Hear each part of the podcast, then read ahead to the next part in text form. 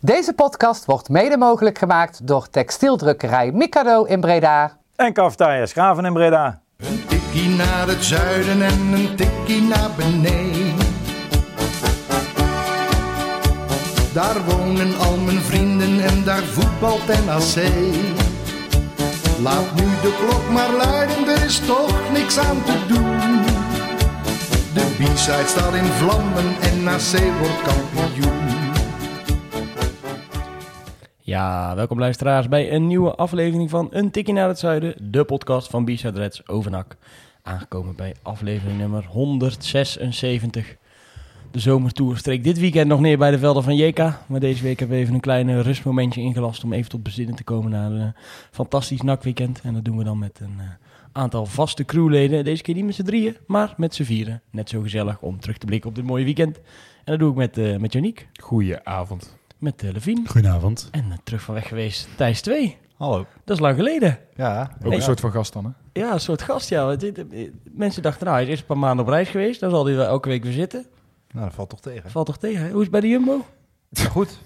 Maar ik ben ook door Gert Huygens, eh, zijn poll, eh, bleek ik de minst populaire te zijn. dus, eh, dus eh, neem- doet toch zeer, maak ik pa- ja, een beetje pas op de plaats. Laat ik jullie gewoon in gang gaan. Toen vraag ik me wel af hoe representatief de volgers van Gert Huygens zijn dan natuurlijk. Nou, dat vind ik nou heel onaardig. Waarom? Ja, dat is vooral even, als Kijk Levine te wil, misschien te hoog in zijn bol. Oh, ja, maar Levine had weer verloren van Joost Blauwhof. Dus Oh, ik denk ja. dat het zo klaar Ik is. denk dat het niet representatief is.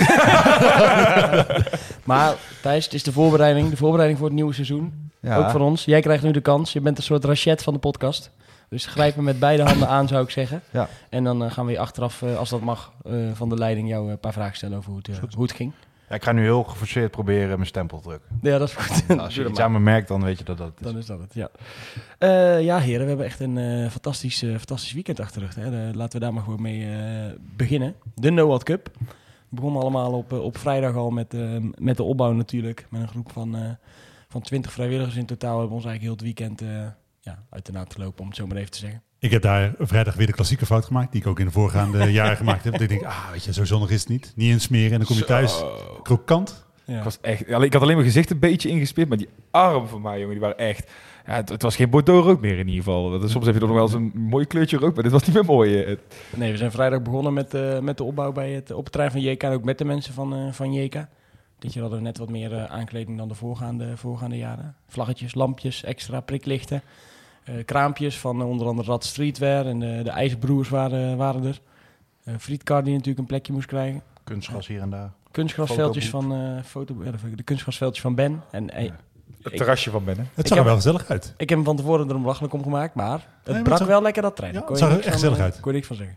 Maar ja, we moeten altijd een stuk of eh, 50 eh, eh, biertafels daar, eh, daar klaarzetten, staattafels en eh, alle, alle veldjes in, in orde maken.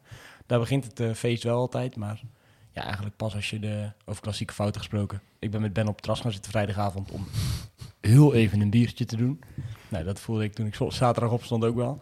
Maar eigenlijk om eh, zaterdag half acht begint dan eh, echt het grote feest. Hè, als, de, als de poorten open gaan. Ja, dan voelt het zo, s ochtends, ik weet niet hoe dat bij jullie was, dan denk ik toch, godverdomme, weet je wel. Het is eh, weekend en ik moet op mijn wekker zetten. Maar dan kom je daar aan en dan komen de eerste mensen eigenlijk al best wel heel snel binnen. En dan is het eigenlijk vanaf de start gezellig. Ik, je ziet eigenlijk alleen maar blije gezichten en dat is de hele dag zo gebleven. Ja, dat, dat is inderdaad. Maar ook gewoon het eh, saamhorigheid, allemaal met hetzelfde. Dezelfde liefde natuurlijk ook eh, voor de club. Eh, die natuurlijk bij een feestavond helemaal tot zijn recht komt. En dat als je die video's ziet bij Even van Huigenvoort die dan X-Spring voor NAC eh, inzet. Ja, als je daar, dan die beelden ziet met die fakkels, ja, dan weet je wel weer waarom wij eh, de mooiste club van Nederland hebben. Ja, je ziet daar dus eigenlijk alleen maar nepsporters, heb ik begrepen. Want eh, de mensen die wel echt voor NAC zijn, die waren naar Maden. Ja. ja, dus dat is dan jammer. Dat ik daar blijkbaar met mensen stond die eigenlijk helemaal niks om de club geven. Ik Daar, was ik wel teleurgesteld over. Ik had me zo voorgenomen om er niks over te zeggen. Maar Ik ga het toch doen. Ja, doe maar. Ja, Hans delen. If, Ja. it, if it is the real one. eh, ik denk het wel, want het is nog steeds, reageert nog steeds met hetzelfde e-mailadres. Hans Deden, ook wel bekend als Van Vlieger, die vond dat wij toch wel even het toernooi wat anders hadden in kunnen richten, zodat iedereen om vier uur richting Maden had kunnen gaan. Ja, het is prima. Ik denk dat mensen het leuk vinden als je zo rond de kwartfinale stopt. Ja, En zeggen, ja, maar we hebben dit jaar geen winnaar, want oefenwedstrijd. ja en eh, dat eh, wisten we al een jaar van tevoren. Oh nee, dat wisten we niet een jaar van tevoren. Ehm, eh, om daar heel kort aan op in te haken. Dit toernooi plannen we natuurlijk letterlijk een jaar van tevoren. Eh, Nu weet je ook wat de datum van volgend jaar. 22 juni. Precies, zet je agenda uit. Ja, eh NAC speelt dan waarschijnlijk geen oefenwedstrijd, kan ik je alvast, kan ik je alvast vertellen. Ehm, En eh, ja, op, op een gegeven moment wordt dan het oefenschema bekend. We hebben natuurlijk nu al gekeken of we ook weer iets met een oefenwedstrijd konden doen, maar dat gaat gewoon niet. NAC had alles, al, had alles al ingepland. Ja, dan eh, blijkt dat het op dezelfde dag is. Toen hebben we in ieder geval nog voor gezorgd dat, dat er een livestream aanwezig was. Dat mensen die echt allebei wilden, graag, heel graag wilden doen, dat ook konden doen. We zijn Owen en Bast aan toegegaan om, om die wedstrijd te bekijken. Tot zover het zurige van Hans Delen. en dan gaan we nu weer terug naar het leuke van de World Cup. Een paar eh, mini-feitjes. Uiteindelijk waren er meer dan 50 teams met, eh, met meer dan 530 voetballers die, eh, die meededen aan het, eh, aan het geheel. Ehm, en natuurlijk kunnen we niet onbenoemd namen, eh, of laten in ieder geval Ben, die natuurlijk eigenlijk dit toernooi ja, praktisch voor eh 95% is er eentje voorbereid en alle, Tot alle in de puntjes. tot in de puntjes. En ook natuurlijk de, de gast van de loco, zoals Jammer en Bram, die op die dag zelf met Ben heel veel, heel veel regelen. Maar eh, Shout-out ook naar Petje voor het feit dat hij in alle palen geklommen is. ja, het petje die heeft alle vlaggetjes eh, opgehangen in de palen. Dus dat was ook, eh, was ook heel goed. Hij heeft niet zijn reet laten zien. Dat was wel jammer. ja, wel om gevraagd, maar dan word je dan toch teleurgesteld. Ja, dus dat viel erg tegen. Hey, wat, is, wat is jullie, los van, de, van het voetbal, zeg maar, een beetje het meest bijgebleven van die, van die dag? Ik wil in ieder geval beginnen met een kleine shout-out naar Marco. Dat heb ik hem niet beloofd, maar dat ga ik wel even doen. Die, op een gegeven moment kwam Kwek naar mij toe en zei... Ja, heb je even tijd? Ik zo, ja, is goed. Eh, wil, wil iemand eh, je spreken? Ik denk, oh, nou ga ik klappen kijken. Waar dacht je aan? Hans Delen? ik denk, geen idee. Ik denk, ja, er is dan toch iemand die denkt, godverdomme. Dan ga ik hem, dan ga ik, dan ga ik hem te gaas nemen. Maar dat bleek een heel relaxed gast. Eh, Marco, die ook bij ons op de website reageert. gewoon heel leuk. Ik vond het leuk om een keer het gezicht achter de stem te zien. Leuk om mee over voetbal te praten. Ik heb ook heel tof met Bas van Front langs aan praten. Dat was ook goed. Ik denk dat dat voor mij een beetje eh, het gevoel van die, van die avond is. Weet je, je, je hebt, eh, natuurlijk, het draait om toernooi. Het eh, draait om zo'n feestavond. Maar het is voor mij vooral verbinding maken met andere mensen. En mensen die je wel ziet bij, bij, het, eh, bij, bij de voetbal, maar waar je toch niet zo lang mee staat te praten normaal gesproken. En Nou, daar is dat, dan dat, de vind ik zo, voor. dat, dat vind ik zo mooi aan die hele dag, zeg maar. Ik bedoel, je, je, je herkent praktisch zeg maar iedereen, hè? of in ieder geval heel veel mensen. Denken, oh, je bent, oh ja, ik zie jou wel eens. En van de helft weet je de naam niet, maar die knik je en zeg hoi. En dat doe je hetzelfde in het stadion. Maar omdat je nu zo'n hele dag hebt, maak je gewoon ook echt de tijd om even een praatje te maken met iedereen. En, en iedereen's beweegredenen te horen om daar te zijn of naar NAC te gaan. En eh, wat ze dan motiveert en hoe lang ze er al komen. Ik vind dat gewoon wel heel, heel tof om, eh, om te horen. Wat is jou het meest eh, bijgebleven, Yannick? Ja, wat mij bezig bijgebleven, ja, dan sluit ik wel vooral aan bij wat jullie nu zeggen. Ik weet, is mij nog wel één a- anekdote die ik prachtig vond. was eh, Robert Braber, die ook meedeed eh, met een team. Die schiet in de kwartfinale, schiet hij eh, in de laatste minuut een eh, bal binnen, waardoor zijn team doorgaat naar de halve finale. Nou, heel zijn team volledig om Robert Braber heen van, ja, blij en juichen. En Robert heel droog, ja, nu kunnen jullie wel juichen hè, als ik in de laatste minuut scoor. Ja. Ja, dat vind ik een fantastische, fantastische anekdote die mij nog wel bijgebleven. Robert. Brouwer, keurig geregeld trouwens. Die kwam wel eh, zondagochtend, eh, toen wij klaar waren met opruimen, kwam die de Beukelaan afgelopen om denk ik zijn auto op te halen. dus eh, die heeft hij eh, braaf achtergelaten de dag van tevoren. Thijs, eh, wat is jouw eh, meest memorabele moment van dit, eh, van het weekend? Ehm, ja, ik heb wel meerdere dingen. Ik vind het sowieso altijd wel een, gewoon een gezellig eh, voetbalfeest. Met name alle verschillende shirtjes. Vind ik wel leuk. Want dat wordt wel iets meer een ding dan de voorgaande jaren. Dat iedereen ook echt gewoon een origineel shirt eh, heeft. Nou, mijn vrienden hebben al een aantal jaar dat eh, oranje 88 shirt. Maar bijvoorbeeld nu ook die gasten die de Dunga-bokaal begonnen. Dat is echt een heel erg goed doordacht shirt, zeg maar. Als dat eh, bij wijze van spreken een, een nak uit zou zijn, dan zou het een van de mooiste ooit zijn. Dus dat vond ik wel, wel vet dat daar zo eh, mee wordt omgegaan. Want heel even voor de mensen die dat shirt niet gezien hebben, hoe Ja. zag het uit? Eh, ja, het was een, eh, een, een vingerafdruk op de voorkant. En dat vingerafdruk was ook het portret van Dunga, zeg maar. Eh, en dan op de achterkant hadden ze allerlei ja, vette naknamen. Eén iemand had van de Dungen. eh, en ja, zo nog een paar. Ja, volgens mij hadden ze dus van, het was een zwart shirt met een gele Ja. afdruk. En dan was ook het portret was Ja. van elke voetballer die ook op de rug stond. Oh, het was niet alleen Dunga. Nee, ja, nee. ik heb natuurlijk op het eind hielden ze die omhoog. Die, toen die zag viel natuurlijk wel op. Ja, de, goed om even te benoemen. Want we hadden natuurlijk dit jaar voor het eerst de, de Dunga-bokaal vernoemd naar, naar Hans van der Dungen. Dat is, is inmiddels iedereen, iedereen bekend. Maar wij wilden daar graag zeker bij de World Cup aandacht aan besteden. Omdat, eh, omdat ja, Hans daar eh, tijdens de eerste twee edities eh, aanwezig was. Maar ook echt aanwezig was. En daar voor de be- benodigde sfeer zorgt zoals iedereen denk Hans kende. Eh, dus hebben wij contact gezocht met onder andere Marco en Oud-NAC. Eh, Marco van Dijn is natuurlijk zijn directe collega Oud-NAC en NAC zelf. Om te vragen of we daar wat mee mochten doen. Dat is de Dunga-bokaal geworden voor het team dat het best gekleed ging. En dat was dit jaar dus FC Kenny opzij.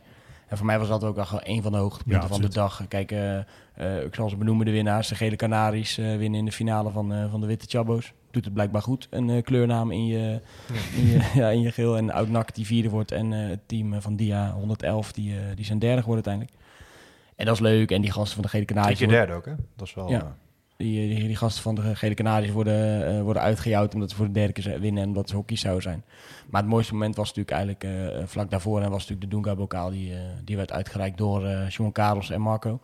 Marco die daar een mooi woordje deed, kan je vinden op onze, op onze Instagram. En ik vind het knap dat hij daar staat en het, het, zeg maar, dat zich groot houdt. Je merkt Ja. dat hij het heel even, heel even lastig Merk heeft. ik bij Zon ook wel een beetje. Ja, zeker. wel. zeker. En, Maar ook direct natuurlijk. En het mooie is dat we eigenlijk ook aan hun hadden gevraagd van... joh, eh, willen jullie eens meedenken over wie dat dan zou, eh, wie dat mocht winnen? En eigenlijk eh, was de, was, waren zowel wij als zij unaniem dat dit het shirt was die moest, Ja. die moest winnen. Nou, dat zijn mooie, mooie beelden geworden. En dat is, ja, dat is ook gewoon waar het dan om zo'n dag denk ik om draait. Weet je, dat samenhorigheidsgevoel, die liefde voor de club. En dan ook, dat vond ik toen al bij zo'n uitvaart heel erg... maar het, gewoon het eren van zo'n van zo'n clubicoon op zo'n op zo'n mooie manier. En ook iets wat ik nog wel leuk vond, dat vind ik al jaren leuk, eh, dat, eh, dat de, wat een beetje om Ounak heen hangt. Iedereen vindt dat toch wel spannend en leuk om even naar die gast toe te gaan voor een praatje. Maar bijvoorbeeld ook eh, mensen hopen eigenlijk tegen ze te spelen, weet je wel. Zeker nu ze een wat jongere gasten ook bij hadden. Nou, dat was wel leuk om te zien hoor. Want Ja. ze hadden dus inderdaad Kees Luiks, Robert Schilder, Kenny van der Weg, die ook vorig jaar er was, en Matthew Amoa. Ik denk dat ze, ze dachten toch even doelpunten ingekocht. Ja. Matthew Junior deed nog even mee zelfs. Ja. Maar daardoor ook had het wat meer binding met, met iedereen. Want bijvoorbeeld het, het eerste jaar en het tweede jaar was het dan eigenlijk bijna alleen Kenny. En voor de rest, ja, iedereen kent natuurlijk Pierre van Hoorn ook wel. Maar de echt ouderen, die kent niet iedereen meer. En nu was het wel weer met Schilder, Luiks. Dan iedereen kent die wel. En, dat, eh, en ja, die gasten vermaken zichzelf ook wel, denk ik, eh, gedurende zo'n dag. Ik Nou, vond het het, wel, het werd wel fanatiek op een gegeven moment. Het was echt serieus. Het was de halve finale volgens mij. Half finale, Ja, ja. Duwen. Ja, maar, het, maar toch, het is overal algemeen super sportief gebleven weer. Nee, het, het, het was dat iets, weer, iets fanatieker dan de eerste twee eh, jaren. Eh, mensen willen echt die cup een keer binnenslepen. Maar ja, elke keer uh, stuiten ze op dezelfde winnaars. Maar eh, het is allemaal wel gewoon echt heel sportief gebleven. En dat Ja, maakt het wel leuk. Want het is natuurlijk, als je eenmaal die wedstrijd speelt, dan wil iedereen winnen. Maar na afloop is het allemaal, eh, gaan twee teams gewoon eh, met elkaar omhelzend eh, van het veld af. Ja, we spraken Kees Luiks in, in een videoreportje wat nog, wat nog online gaat komen. Nog niet al beeldmateriaal staat online. En zegt hij, ja, nou, we gaan zeker voor het podium en dan gaan we zeker halen. En anders pin mij er maar op vast, dan kan je straks terugkomen. En uh, ze speelt natuurlijk die halve finale waar het er inderdaad veel aan toe ging. Ik, sprak ze daar achteraf nog, uh, achteraf nog even over. Ik zeg, joh, wat, wat gebeurde er nou? Hij zegt, ja, toen ik ook voor de derde keer een, uh, een tikje tegen de enkels voelde. En toen dacht ik, het is klaar. En heel eerlijk zei hij, we hadden het ook wel een beetje nodig. Want het was inmiddels de zevende keer dat we een kwartier moesten voetballen. En dat was voor ons allemaal toch wel even geleden dat we dat gedaan hadden. Dus het was ook echt bedoeld om elkaar een beetje op, op te hypen. Nou, uiteindelijk moeten ze dan de, de penaltyreeks spelen tegen, als het goed is, de gele Canaries? Uh, en Kees Luik die, uh, die legde aan voor een pingel. Waarna Robert Schilders had als eerste al gemist. En Kees Luiks legde aan. En die schiet die bal bijna dwars door, door de kantine heen. Die gaat snoeihard over de kruising.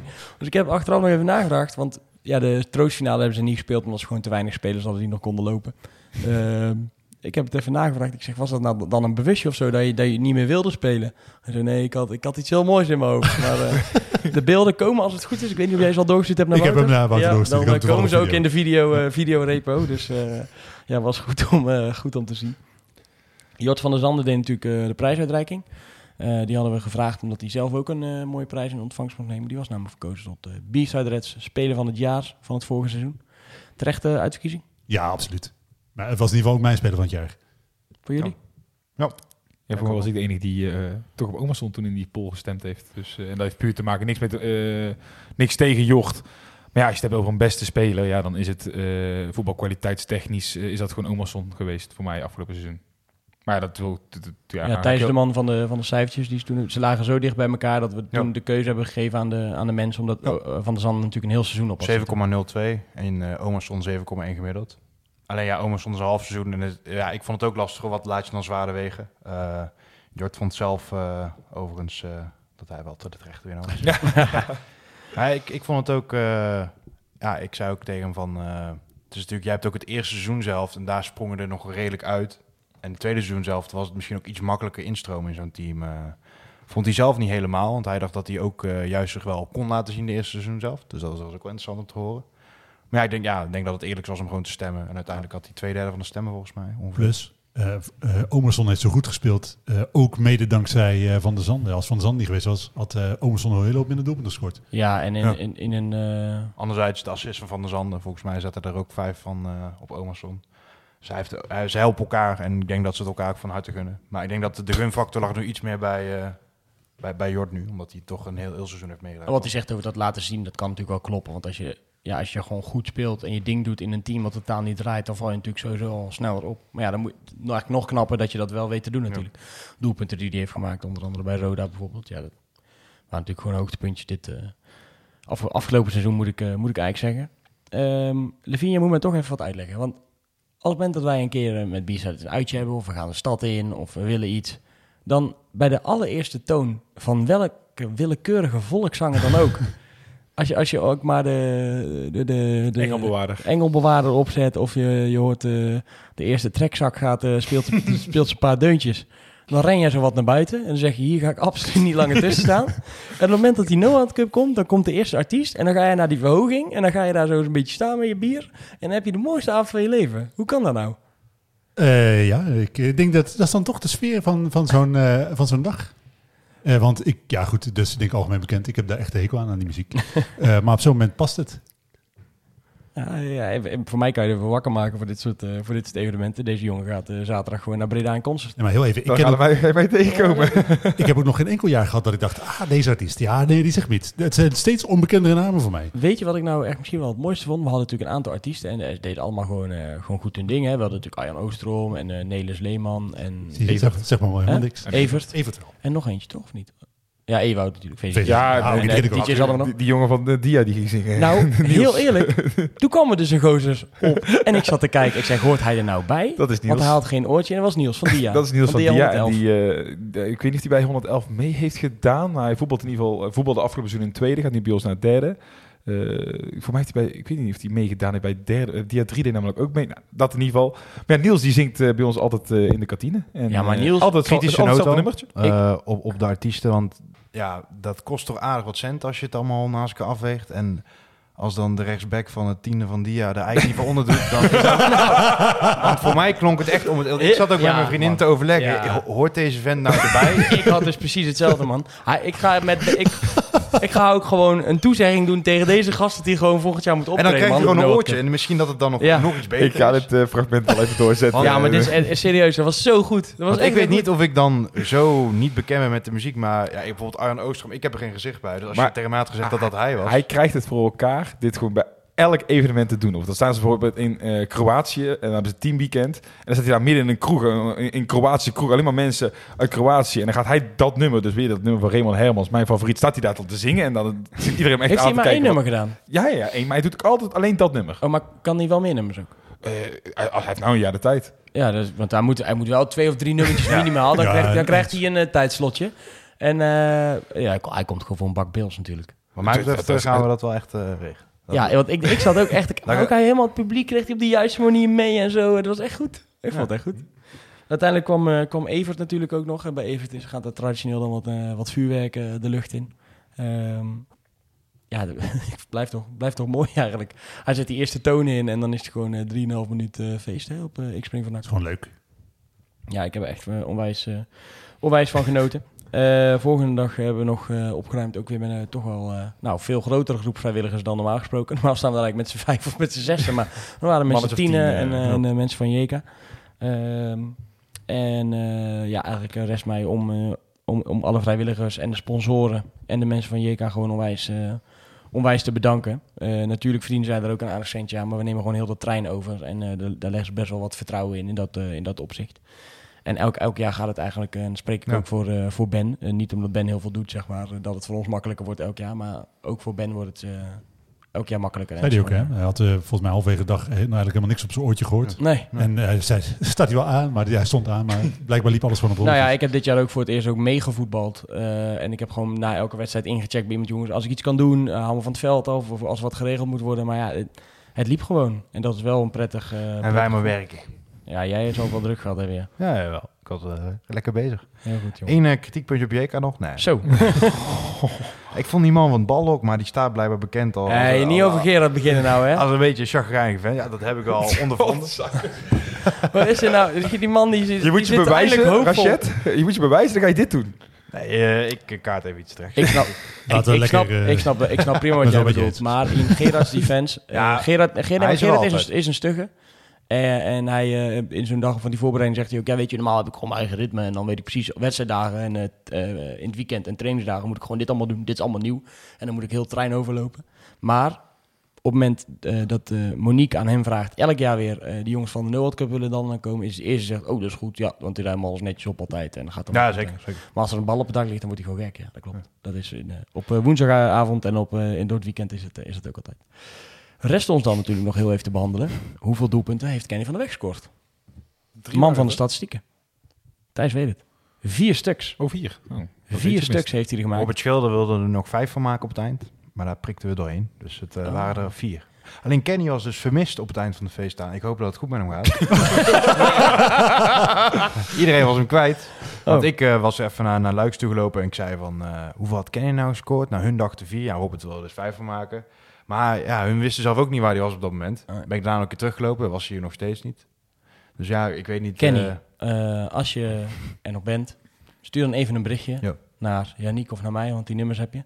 Of Ja, wil jij twee- nu jouw nummer geven? Dat kan ook. Maar dan word je denk ik Nee. gebeld door wat mensen. na, de, na de tweede keer ben ik ook niet meer teruggelopen. Dus het Oh. misschien dat hij na een half uur wel weer terug was hoor. Maar, Er waren echter, eh, er waren, eh rest ons eerlijk te zeggen, drie mensen die het goed hadden, maar dan telt ja, wie het snelst komt. Nou, of we kunnen loodjes trekken, hè? Nou, we hebben al besloten. Oh, de oké. twee. ja.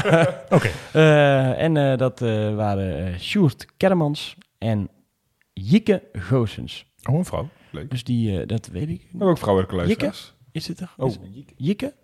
Oh, dat kan. dat- Ja, dat... eh oeh, dus. Ik weet niet. De heer of mevrouw? Ja, eh of, Jikke Goossens. hey, hallo. Oh, sorry. Dit is een eh, discussie. Even iemand. Eh, jullie krijgen dus het, het 3D-printje van, het, van het stadion. Eh, jongen, jongen, jongen. Ehm, dus dat gaat helemaal goed komen. We gaan jullie mailtjes even beantwoorden en dan eh, komen wij... eh, nou ja, we komen het niet brengen, denk ik. We sturen het op of jullie kunnen het op komen halen op het moment dat wij een keer een podcast Ja, opnemen. Het komt. Op kantooruren, geval. wat daar inhoudt eh, twee uur per week. ja, op het kantoor. Net als de, net als de gevonden voorwerpen. Ja.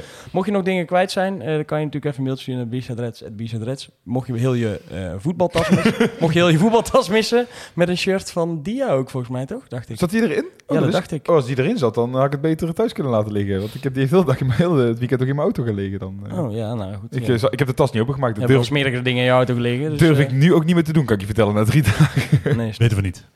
Eh, maar dan eh, bewaren je spullen nog een tijdje en anders dan eh, doneren we ze aan een of ander eh, goed doel. Nadat Yannick zich gewassen heeft.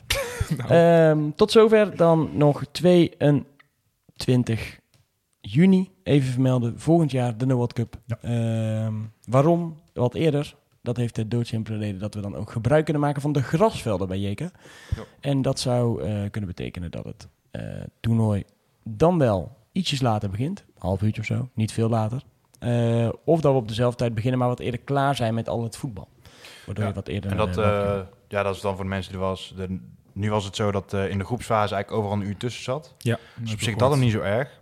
Maar dan knock-out fase komt alles eigenlijk eh, achter elkaar. Dus dat is voor de organisatie, want hij zit echt te wachten is voor de organisatie jezelf ook. hè? God, ja, op de uitslag van hey, waar moeten ze nu heen. En die gasten bijvoorbeeld van Oud-NAC, die spelen dan gewoon eens drie kwartier op rij. eh. Ja, ik wou net zeggen, zullen we het anders even over de voetballers hebben Nee, die nee, al zes potjes ja. gespeeld hebben. Maar jij zal het Ja, druk hebben, voor, eh, hè? Ja, het is voor hun ook niet, eh, niet fijn, Nee. want je, je weet dan pas ook weer waar je naartoe moet. hè. Ja. Dus eh, ja, Absoluut. absoluut. eerder te stoppen en ook eh, om het wat meer te kunnen spreiden. Ja, we hadden dus, zoals gezegd, een prachtige livestream geregeld voor eh, de wedstrijd eh Made-NAC. Want wij als nep-NAC-supporters wouden toch ook graag iets bieden aan die andere nep-NAC-supporters die op het trein van JK waren. ehm, en graag een feestje bouwen met andere NAC-supporters. Dus hadden wij Owen en eh, Bas richting Made gestuurd. Met gevaar voor eigen leven, heb ik gehoord. eh, om, om, ze, om eh, daar de wedstrijd te gaan, eh, te gaan livestreamen. Ehm, dat is best wel goed gelukt eigenlijk. Eh, en de mensen die hebben gekeken, die hebben veel doelpunten gezien, want het werd 0-17. Nou, Ja, bizar. Weet, weten jullie of, of er eh, in de afgelopen jaren vaker zo'n grote uitslag is geweest? ah, zo, ja, ik weet Wel wel. dat 17 is wel serieus, ja, dat is echt wel Ja, serieus. het was altijd 08, 07, Ja, dat ja. soort uitslagen. Maar zo hoog eh, kan ik mij niet meer herinneren. Ik ook niet. Ik heb ook niet direct een uitslag voor de geest staan. Nee, het is... ehm, Maar als je mij vraagt hoe die wedstrijd is verlopen en wat ik ervan gezien heb, dan kan ik ja, je NAC weinig... eh, scoorde als eerste. en als laatste. ja, als laatste ook. Eh, nee, ja, goed. We hebben die wedstrijd natuurlijk zelf niet gezien, omdat we zelf daar, daar bezig waren. Ehm, eh, wat je dan hebt kunnen lezen en wat je in ieder geval van Owen en Bas hebben, eh, een beetje hebt gehoord, is dat, eh, dat het middenveld natuurlijk erg goed, eh, goed stond. Met, Ja. een, eh, met Janosek, Leemans en, eh, en Garbert die, eh, die we speelden. Eh, opvallend was natuurlijk ook dat... eh, nou, laten we eerst even middenveld behandelen trouwens. Ja, alleen van de namen al en van het beeld wat ik bij de voetballers heb... word ik echt heel vrolijk van het middenveld Janusek, Leemans en Garbert. Ja, ik ben alleen zelf nog niet meer uit of ik het liefst een viermans of een driemans middenveld zie. Maar dat nou, is dan iets doen wat... we eh, eerst een stap terug. Willen we liever met eh 4-4-2 gaan spelen of 4-3-3? Nou, wat ik wil, maakt me denk ik niet heel veel uit. Dat klopt. Alleen wat wel... Levine.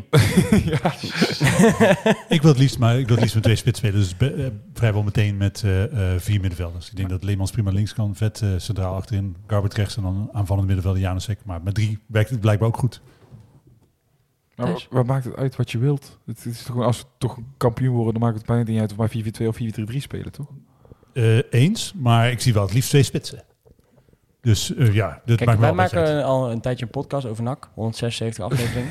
en eh, waarschijnlijk luistert bijna niemand op onze mening. Maar vinden wij het wel leuk om af en toe te zeggen. Ehm, dus daarom geeft hij even zijn mening. Waarom hij liever met twee of met één Maar spits vraag ik ook de toelichting op zijn mening van waarom, wat daar het voordeel of het Twee spitsen is beter dan één spits in de 16. Dus je hebt liever dat er nou ook daar ook nog meer alleen maar spitsen gepresenteerd Ik zou- worden en geen buitenspelers. Als ik TD was, zou ik denk ik een chronisch overschot aan centrumspits hebben. Dan zou je het goed doen bij FC Utrecht. Ja, ja, dat zijn Ja. Wat, eh, hoe speel jij eh, liever, eh, Thijs? Maakt niet erg uit wat ik wil, maar ja, mij maakt het... ik denk dat je het vooral moet inrichten op het materiaal wat je hebt. En tot nu toe lijkt dat meer naar de, de twee spitsen te neigen. Al weet ik dat niet zeker. Ik heb overigens wel wat zitten kijken vanuit het wedstrijdhok. En het is niet heel representatief, want bij elke aftrap van Malense Boys sprint de NAC echt als... ja, weet je, dat, dat kent die films misschien wel van dat totaalvoetbal van Nederland de Mhm. jaren 70. Ja. Daar leek het oprecht een beetje op. Ze zullen één rechte lijn allemaal naar voren. Dus ik weet niet of het heel representatief was. Wat ik me vooral afvraag is... is het zwaar genoeg met Leemans op 6? wie gaat dan in defensief opzicht... Natuurlijk je wil allemaal naar voren druk zetten. eh, maar je hebt natuurlijk niet echt een echte verdedigende middenvelder. Maar heb je die nodig? Dat Je weet bent- ik dus niet. ik denk dat je lastig. Ja, tegen Eh, in ieder geval. 80% van de wedstrijden hoor jij als NAC zijnde Ja. eh, de bovenliggende partij te zijn. Ja. Dus heb je dan een echte 6 nodig. Dan kun je altijd nog in die Ja. andere 20% Ja, als je alsnog kijkt- kiezen voor vet. Als je kijkt naar, naar bijvoorbeeld een, een en een Heracles, die doen het met een Belen op 6, Schoofs. Die, hebben dat, die gebruiken dat wel. Ik weet niet of het per se hoeft. Maar dat is, Schoof nou echt zo'n... ja, die rent ook wel veel naar voren natuurlijk. Maar dat is wel iemand met duelkracht. En die hebben wij tot nu toe nog niet helemaal Ik snap- misschien. Ik snap natuurlijk wel wat jij zegt. Gooi je, als, je, als je kijkt naar eh, eh, materiaal en zo, dan zou je zeggen, zou je neigen naar twee spitsen. Ehm, alleen heel de voorbereiding, Ja. ook door blessureleed, spelen we eigenlijk al 4-3-3. Ja. Eh, met eh Stef de Wijs op rechtsbuiten en eh Kajet op, op linksbuiten. Dat, Ja, maar ja, ja. dat gaat nooit, dat gaat denk ik in ieder geval niet de eerste basisopstelling worden eh, uit bij, eh, bij FC Dordrecht. Ehm, ja, moet je dan niet, niet eigenlijk al op een manier 4-4-2 spelen, dat je daar maar wat, wat wisselingen in aanbrengt? Of? Op zich snap ik. We gaan het natuurlijk morgen zien tegen een echte serieuze tegenstander. Of, eh, of dat werkt met, met drie aanvallers. Maar ik denk ook, je moet vier eh, buitenspelers nog gaan halen. En in principe maar één of twee spitsen. Als je 4-2 blijft spelen, ben je met één of twee spitsen klaar. Terwijl je anders eh, al je buitenspelers eraan moet trekken. Ik, ik denk dat het logisch is om met twee spitsen te gaan spelen. Ja, eigenlijk min- minimaal drie buitenspelers. Maar als, als je dat zo Ja, logisch... kun je het anders. eh, die ja, en- ja, precies. Maar als je dat zo leuk waarom spelen we dan al drie wedstrijden 4-3-3? En Ja. dan kun je zeggen, het zijn amateurs, maar het is toch al, ja, ik neem aan, er zit ook een beetje automatisme in creëren. eh, ja, maar met je twee hebt, nog spitsen. nooit twee spits, je hebt nog nooit twee spitsfits gehad. Maar Kajet wordt als spits gezien in een 4-4-2. Hey? Ja, dat heeft hij al gezegd. Wie? Eh, Hiballa. Nou, dan gaat hij sowieso niet Als spelen. ze als we 4-4-2 gaan eh, spelen, dan is Kajet eh, voor mij een optie in de spits. Oké, kan maar wel, dan, dat Naast- ja. kan prima naast een eh, grote Dus, sterke dus hij had prima 4 al in- een keer bij de eh, amateurs al een keer kunnen kiezen voor 4-4-2. Nou, oké, Jocht was dan alleen bij de eerste wedstrijd er. Had hij bijvoorbeeld 4-4-2 met Kajet en Van der Zanden kunnen spelen. Maar daar kiest hij ook weer voor 4-3-3. Dus ik heb wel het echt vermoeden dat het gewoon 4-3 gaat worden. Ja, ja, ik, ja, maar ik vraag me dan echt af, dan moet je dus echt nog wel sowieso twee basis... eh, Die ballen zei wel ook tegen jou dat het voor hem nu vooral eh, om spelprincipes ging, dat interview na de tweede oefenwedstrijd. Ja. Want de opstelling was nog niet helemaal, daar kon er niet ja, al te veel van, uh, van maken. dan zou je neigen naar 4-3-3. Ja, ik vind het lastig. Uh, mij maakt het persoonlijk dus niet per se uit. Alleen ja, wel gewoon naar het materiaal wat je hebt. Ik heb altijd Maar- hekel aan als er, als er maar een systeem gespeeld moet worden. Altijd 4-3 of altijd 4-2, los van het materiaal wat je hebt. Dus als ze dat niet doen, dan vind ik het eigenlijk al prima. Maar je Ah. zegt dan, eh, als we 4-3 gaan spelen, moet je nog minimaal twee baasmateriaal baas, eh, buitenspelers halen. Ja. Eens. Maar als je 4-4-2 Nou. gaat spelen, moet je dan niet nog, nog twee baasmateriaal spitsen halen. Eh, nou, sowieso, Boer- sowieso Boer één. Maar Boeren komt echt pas heel laat weer terug. En Ja. dat het die Ja, ballen fit ja, is, je, gaat je, gaat- kan geen, je kan nu niet twee basismateriaal spitsen halen, terwijl Omarsson Ja. en Boer... Kijk, Omarsson duurt natuurlijk tijd, dat snap ik. Maar je, je hebt dat nu eigenlijk al met Boeren gezien die je in de winst hebt gehaald. Je kan straks niet met Jort van de Zanden, eh Omarsson, Boeren en nog twee andere basisspitsen. Arme tegels. Ja, dat is echt te veel. man. Ja, nee, dat snap ik. Maar is het dan, kun je dan niet al gewoon niet de conclusie trekken dat 4-3 het beste is? Want 4-4-2 gaat ook niet werken zonder Boeren en Oké, Omarsson. je moet Nou of ja. twee buitenspelers halen of twee spitsen. Maar stel 4-3... Ja, maar twee eh, spitsen zeg jij, moet je niet halen. Stel het zou 4-3 worden. Nee, en- ja, dus, moet- dan kan je toch beter toch één goede spits halen. Dan, dan kan je je budget toch aan één goede spits spenderen. Dan heb je in ieder geval Maar dan twee... heb je er niks achter zitten. Nou ja, Boeren... Als dan in de eerste wedstrijd eh, van de Zanders een kruisband afscheurt. Nou ja, volgens mij is Klopt het even heel hard af, eh, maar- de topscorer is Rachet. Ja, nee, maar je, je snapt, eh, laat Maar nog even niet eh, meegerekend. Yannick, stel het wordt 4-3-3 en op een gegeven moment heb je dan Omarsson en Jort fit. Wat, wat, zie- dat vind ik dus wel lastig in de toekomst. Want dan moet je een van die twee dus of... En nog de spits die je hebt. Ja, maar Ja. daarom ga je nog wel een spits halen. Dat, je, misschien, Tuurlijk ga je een spits halen. Tuurlijk ga je een spits halen. Als je geen spits haalt, zou ik dat echt onbegrijpelijk vinden. Omdat eh, we hebben het, er- je eh, kan alleen wedstrijden winnen als je doelpunten maakt. Eh, en je zal meer doelpunten moeten halen dan je op dit moment in huis hebt. Want eh, als Boeren voorlopig niet fit is, Omerson pas in eh, januari eh, eh, überhaupt weer kan voetballen. Nou, dat is nog lang niet wedstrijdfit. Eh, dus ook al eh, wat je zegt, hè, zijn er voor Omerson, ik denk dat hij pas in februari, eh, op maart op zijn topniveau is. Tot die tijd heb je een andere spits nodig. maar dan haal je een spits inderdaad. Maar dan haal, één spits blijft erbij. Is niet genoeg om dan 4-4-2 te gaan spelen. je Ja, je, kan niet, je kan niet... Dat hebben ze volgens mij ook in een interview Peter Maas ook gezegd. We handelen eh, niet op basis van ehm, ehm, zeg maar, incidenten die zich nu voordoen. We, we, handelen op basis van een visie die we hebben... eh, eh, met hoeveel spelers je op welke positie eigenlijk nodig hebt. En je kan gewoon niet op het moment dat, je, dat een van die spelers een half jaar eruit ligt... kan je niet zeggen, nou ga ik voor het hele jaar een vervanger halen... dat je straks vijf basisspitsen eigenlijk zou Nee, hebben Precies. voor twee plekken. Maar als je er één haalt, dan heb je in principe Jort van der Zanden. eh, dan heb je eh, Een spits die je eh, haalt. Een spits die je haalt. dan zou je boeren na een aantal weken kan, kan weer aansluiten. Dan, als die het echt zich goed blijft ontwikkelen, heb je eventueel nog eh Rachet. En je van de sluis. En je hebt de mogelijkheid om, wat je nu in de voorbereiding doet, eventueel in geval van nood te switchen. Als je nog ook eventueel... Je kan ook gewoon nog één buitenspeler halen. Hè? Die, die zo ook wel als rechtsmidden als buitenspeler uit de voeten kan. Dan haal je twee verschillende aanvallers. En dat zou ik altijd eerder doen dan twee echt basisspitsen halen. Ja, nee, maar ik, ik denk dat ja, als je dat niet doet, denk ik echt dat je je moet gaan focussen op 4-3. Omdat ik het echt, ik vind, Boeren moet zich ook nog steeds bewijzen. Hè? Maar met welke buitenspelers dan, maat? Ja, die ga je dus dan halen. Hoeveel? Drie? Ja, Ja, Ja, dat is toch onrealistisch. dat is- ik vind het ook onrealistisch. Want ik denk als je gaat kijken naar wat je hebt op dit moment op je middenveld bijvoorbeeld, daar kan je prima een viermans middenveld van maken. maar dan kom ik weer terug op het. Waarom speel je dan nu die eerste drie wedstrijden 4-3-3? Omdat je mensen fit wil krijgen. En omdat, je nog geen één keer twee wil- spits fits hebt gehad. Nee. Nee, maar als je dat nu niet hebt, dan kan toch in het seizoen straks hetzelfde gebeuren. Ja, dus moet je toch volle bak focussen op die ba- Dus je buitenspelers. toch ook... Hè, nee, je kan toch een spits halen, maat? Dan heb je dat probleem toch opgelost? Ja, maar dan heb je we dus gaan door, want eh, mensen worden hier waarschijnlijk helemaal lijp van. Ehm, ja, We zijn, we zijn met z'n drieën, we kunnen hem in principe prima hebben. ja, dan spelen we met drie buitenspelers. Als je ze nu niet fit hebt, kun je ze dit huidige seizoen toch ook niet fit hebben? Ja, kan maar gebeuren. we gaan toch een extra spits halen, sowieso? Ja, maar dan heb je nog steeds nog maar twee aan de start van het seizoen fit. Ja, of drie? Nee, maar Boeren nog niet. Rachet. Oké, ik ben deze discussie nu best wel ook wat. Ehm, ja, volgende punt. Eh, middenveld dus. We weten niet, niet welk voorstel, maar de, de, daar, hadden we- daar wilden we eigenlijk even naartoe. Met, met uh, Janusek, Garbert en met eh, Leemans. Leemans heb ik natuurlijk vorige week al even kort over, eh, over gehad. Ja, schiet ook een vrij trapje binnen. Die heb ik trouwens gezien. Die werd volgens mij door drie man aangeraakt. En de keeper zag er niet heel fris uit. Maar eh, die van uh, Janusek, die zat er wat, eh, zat er wat lekkerder, zat er wat lekkerder Ja. in. Overigens trouwens, eh Maarten Boys is natuurlijk een beetje een traditiewedstrijd. Maar als ik dan kijk waar we tot nu toe zijn geweest... waar ze van de week naartoe gaan... en je ziet dan het veld bijvoorbeeld van zo'n Made... ja, dat is wel echt stukken minder. Hoe dat, hoe dat, complex, erbij, hoe dat complex erbij lag. Ik kan me niet voorstellen dat het heel lekker voetballen was voor die, voor die gasten. Ehm, stel dat we met drie gaan spelen. Is, is dan voor jullie dit de ideale, ideale samenstelling?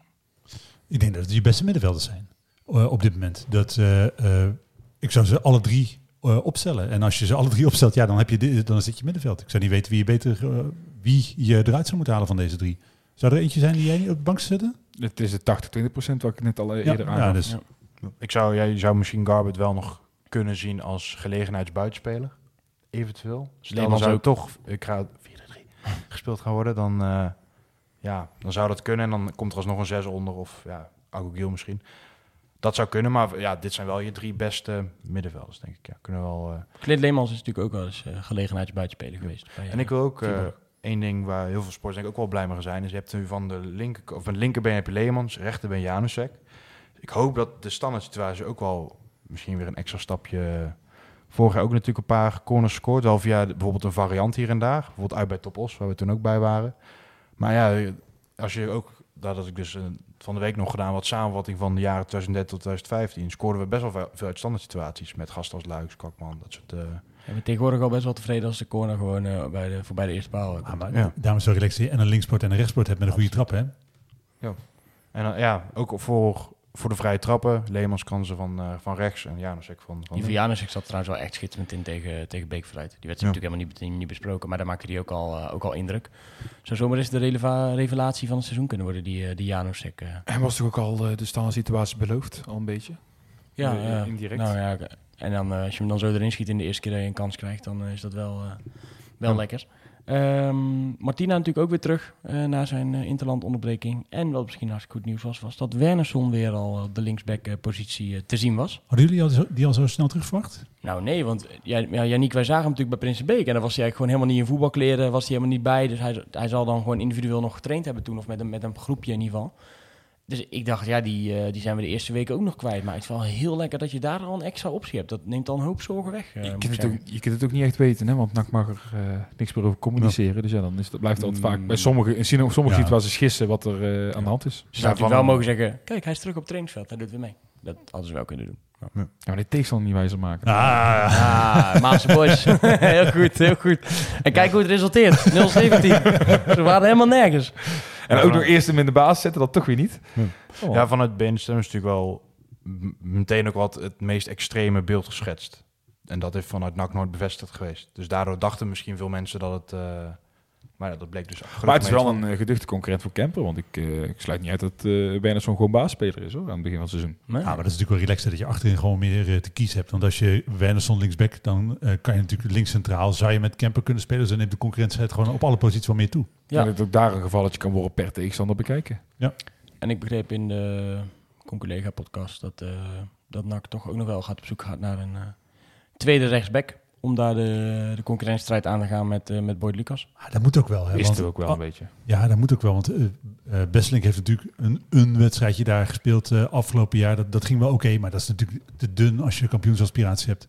Dus je moet daar meer te kiezen hebben. Dat is uh, logisch wat mij betreft. Ik ben benieuwd waar ze daarbij uh, bij uitkomen. Die naam van die, uh, die Tsjech heeft natuurlijk een tijdje Trontel. rondgezongen. Maar die gaat niet worden. Nee, die, dat was toch een die zal weg verdediger, toch? Zand Trontel. Die, oh, ik dacht dat er nog... Die, in, die speelde wel in Tsjechië. Die speelde bij Dak Streda, dat is Slowakije. Nou, waar dingen, oh, okay. waar dingen natuurlijk trainer is geweest. Ja. ja maar die worden niet. Oké. Okay. Nou, dan hebben ze nog wat verder, uh, verder te, te scout. Ik vind dat op zich wel leuk, hè? want op zich de namen die tot op heden gepresenteerd zijn, zijn allemaal namen die ik zelf niet verwacht had. Want je ziet natuurlijk hè, uh, hele lijstjes voorbij komen. Je maakt zelf ook lijstjes, je kijkt toch wat, wat beschikbaar is. Uh, maar het zijn allemaal verrassingen tot op heden. Dus ik uh, ja. hoop dat het een beetje blijft. En dat, daarom denk ik persoonlijk zelf ook, Schalk lijkt mij raar als hij nog komt. Voor mij ook wel een keer, keer fijn, want ik heb altijd het idee van... Als ik zo op transfermarkt ga zitten, of je kijkt bijvoorbeeld de lijst van Chris VM, dan is het eigenlijk helemaal niet heel professioneel als dan NAC ook altijd die naam haalt. Want het is altijd wel een beetje een grote carousel met dezelfde spelers die een beetje... Ja, bij Chris VM valt het wel mee, toch? Die het wel, ja, nee, die zoekt ook die wel ook 421, 5, 421 spelers of zo uh, in zijn lijst staan. Dus uh, wat, ik extreem knap vind, dat hij ook nog weet van iedereen waar hij over getweet heeft, waar ze dan volgens naartoe gaan. Ja. melding gaan zetten hè, met die huh? naam. Ja, dat is ja. wel leuk. Bijvoorbeeld zo'n zo, bijvoorbeeld zo'n Belhassani en transfervrij is. Ja, dat zijn allemaal van die open deuren waar je van denkt, hey, moet je dat nou wel doen? En dat is nu niet en dat vind ik wel een keer verfrissend. Oh, ja. hoort ook eigenlijk wel. Als je een stap wil maken als organisatie, dan moet je spelers scouten waar andere clubs er niet van gehoord hebben. Uh, kansen zien die andere clubs er niet gezien hebben. In en een keer geld neertellen, dat ja. doen ze nu ook. Ja. Dus, uh, hebben ze ook. schijnt dat uh, het geld van Bazouzi allemaal is uh, hergeïnvesteerd in, in de selectie. En dat het vrijgekomen geld nog, wat ze van de, van de vorige selectie, zeg maar, dat dat nog dat dat nog beschikbaar is. Het is natuurlijk wel een gigantische meevaller geweest, hè, Banzuzi? Want dat bedrag wat ze daarvoor kregen, blijf ik nog steeds ja. uh, onbegrijpelijk nou ja, En dan vinden. komt het geld van Bart Verbrugge nog natuurlijk. Uh, die kan je al oplussen omdat je weet dat dat eraan komt. En gewoon nog steeds een standaard spelersbudget. Want hoe zit het nou precies? Dat, dat is iets wat ik, wat ik, waar ik nooit helemaal precies weet hoe het zit. Is het zo dat je dat, is het spelersbudget, gewoon het budget wat je aan spelers mag spenderen en gaan daar dus ook de transfersommen vooraf? Of is dat alleen je salarisbudget? Ja, volgens mij zit volgens mij is ook vanaf.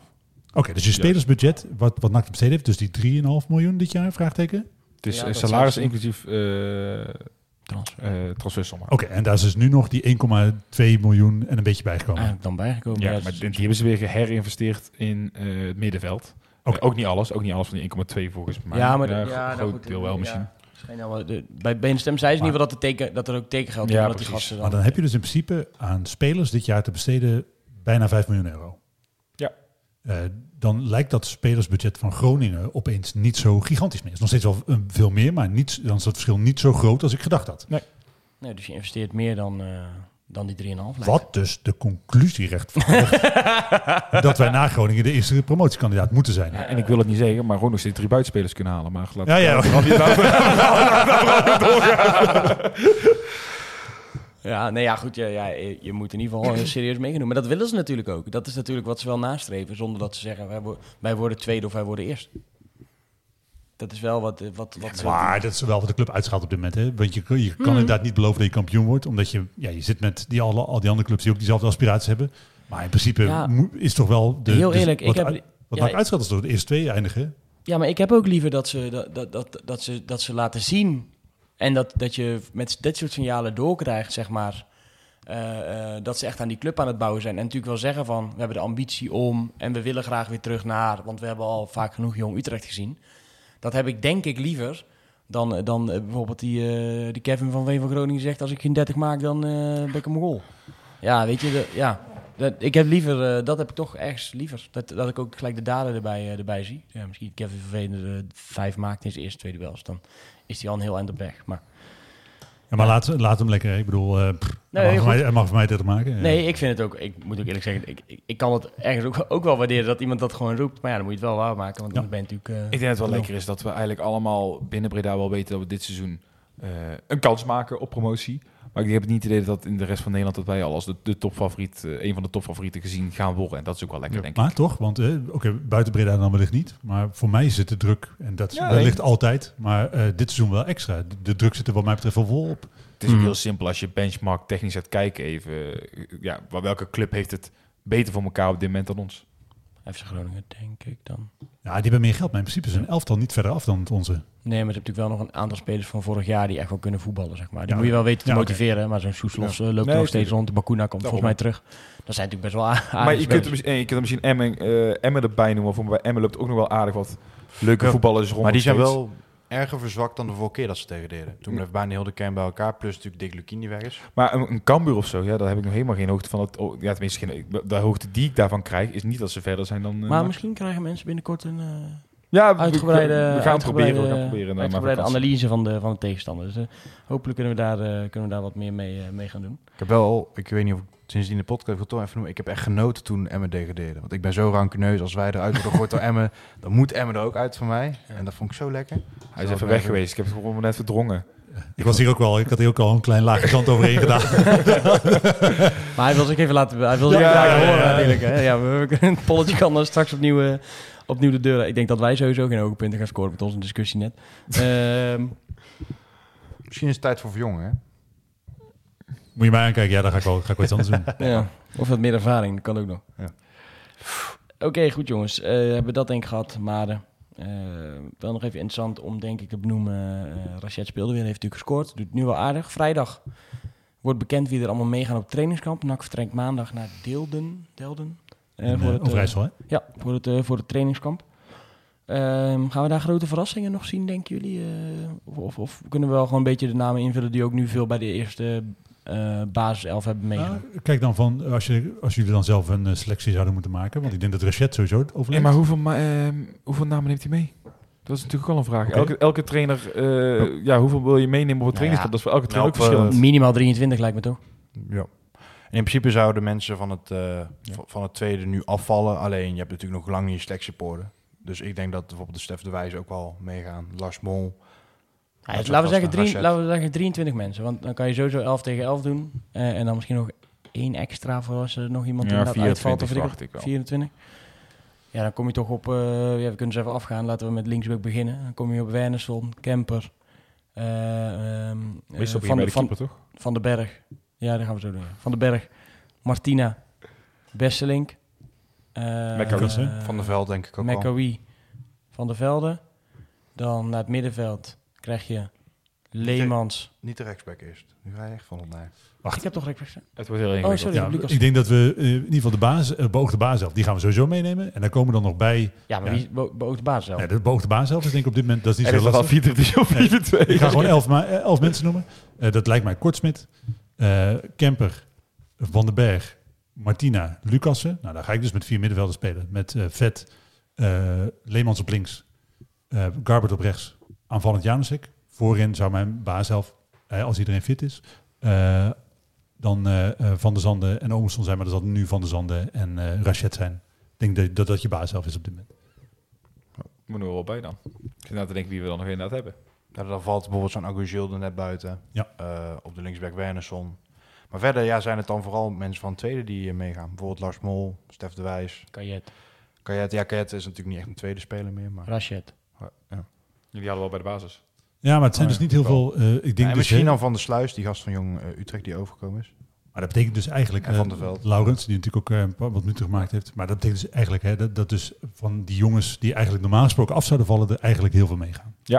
Ja, wel een aantal lijkt me. Omdat je sowieso 11 tegen 11 wil spelen, denk ik, op de, op de training. Sorry voor dit ongeorganiseerde stukje over de spelers die meegaan, ja of nee. Opdracht voor iedereen thuis. Schrijf 24 namen op wie jij mee zou nemen.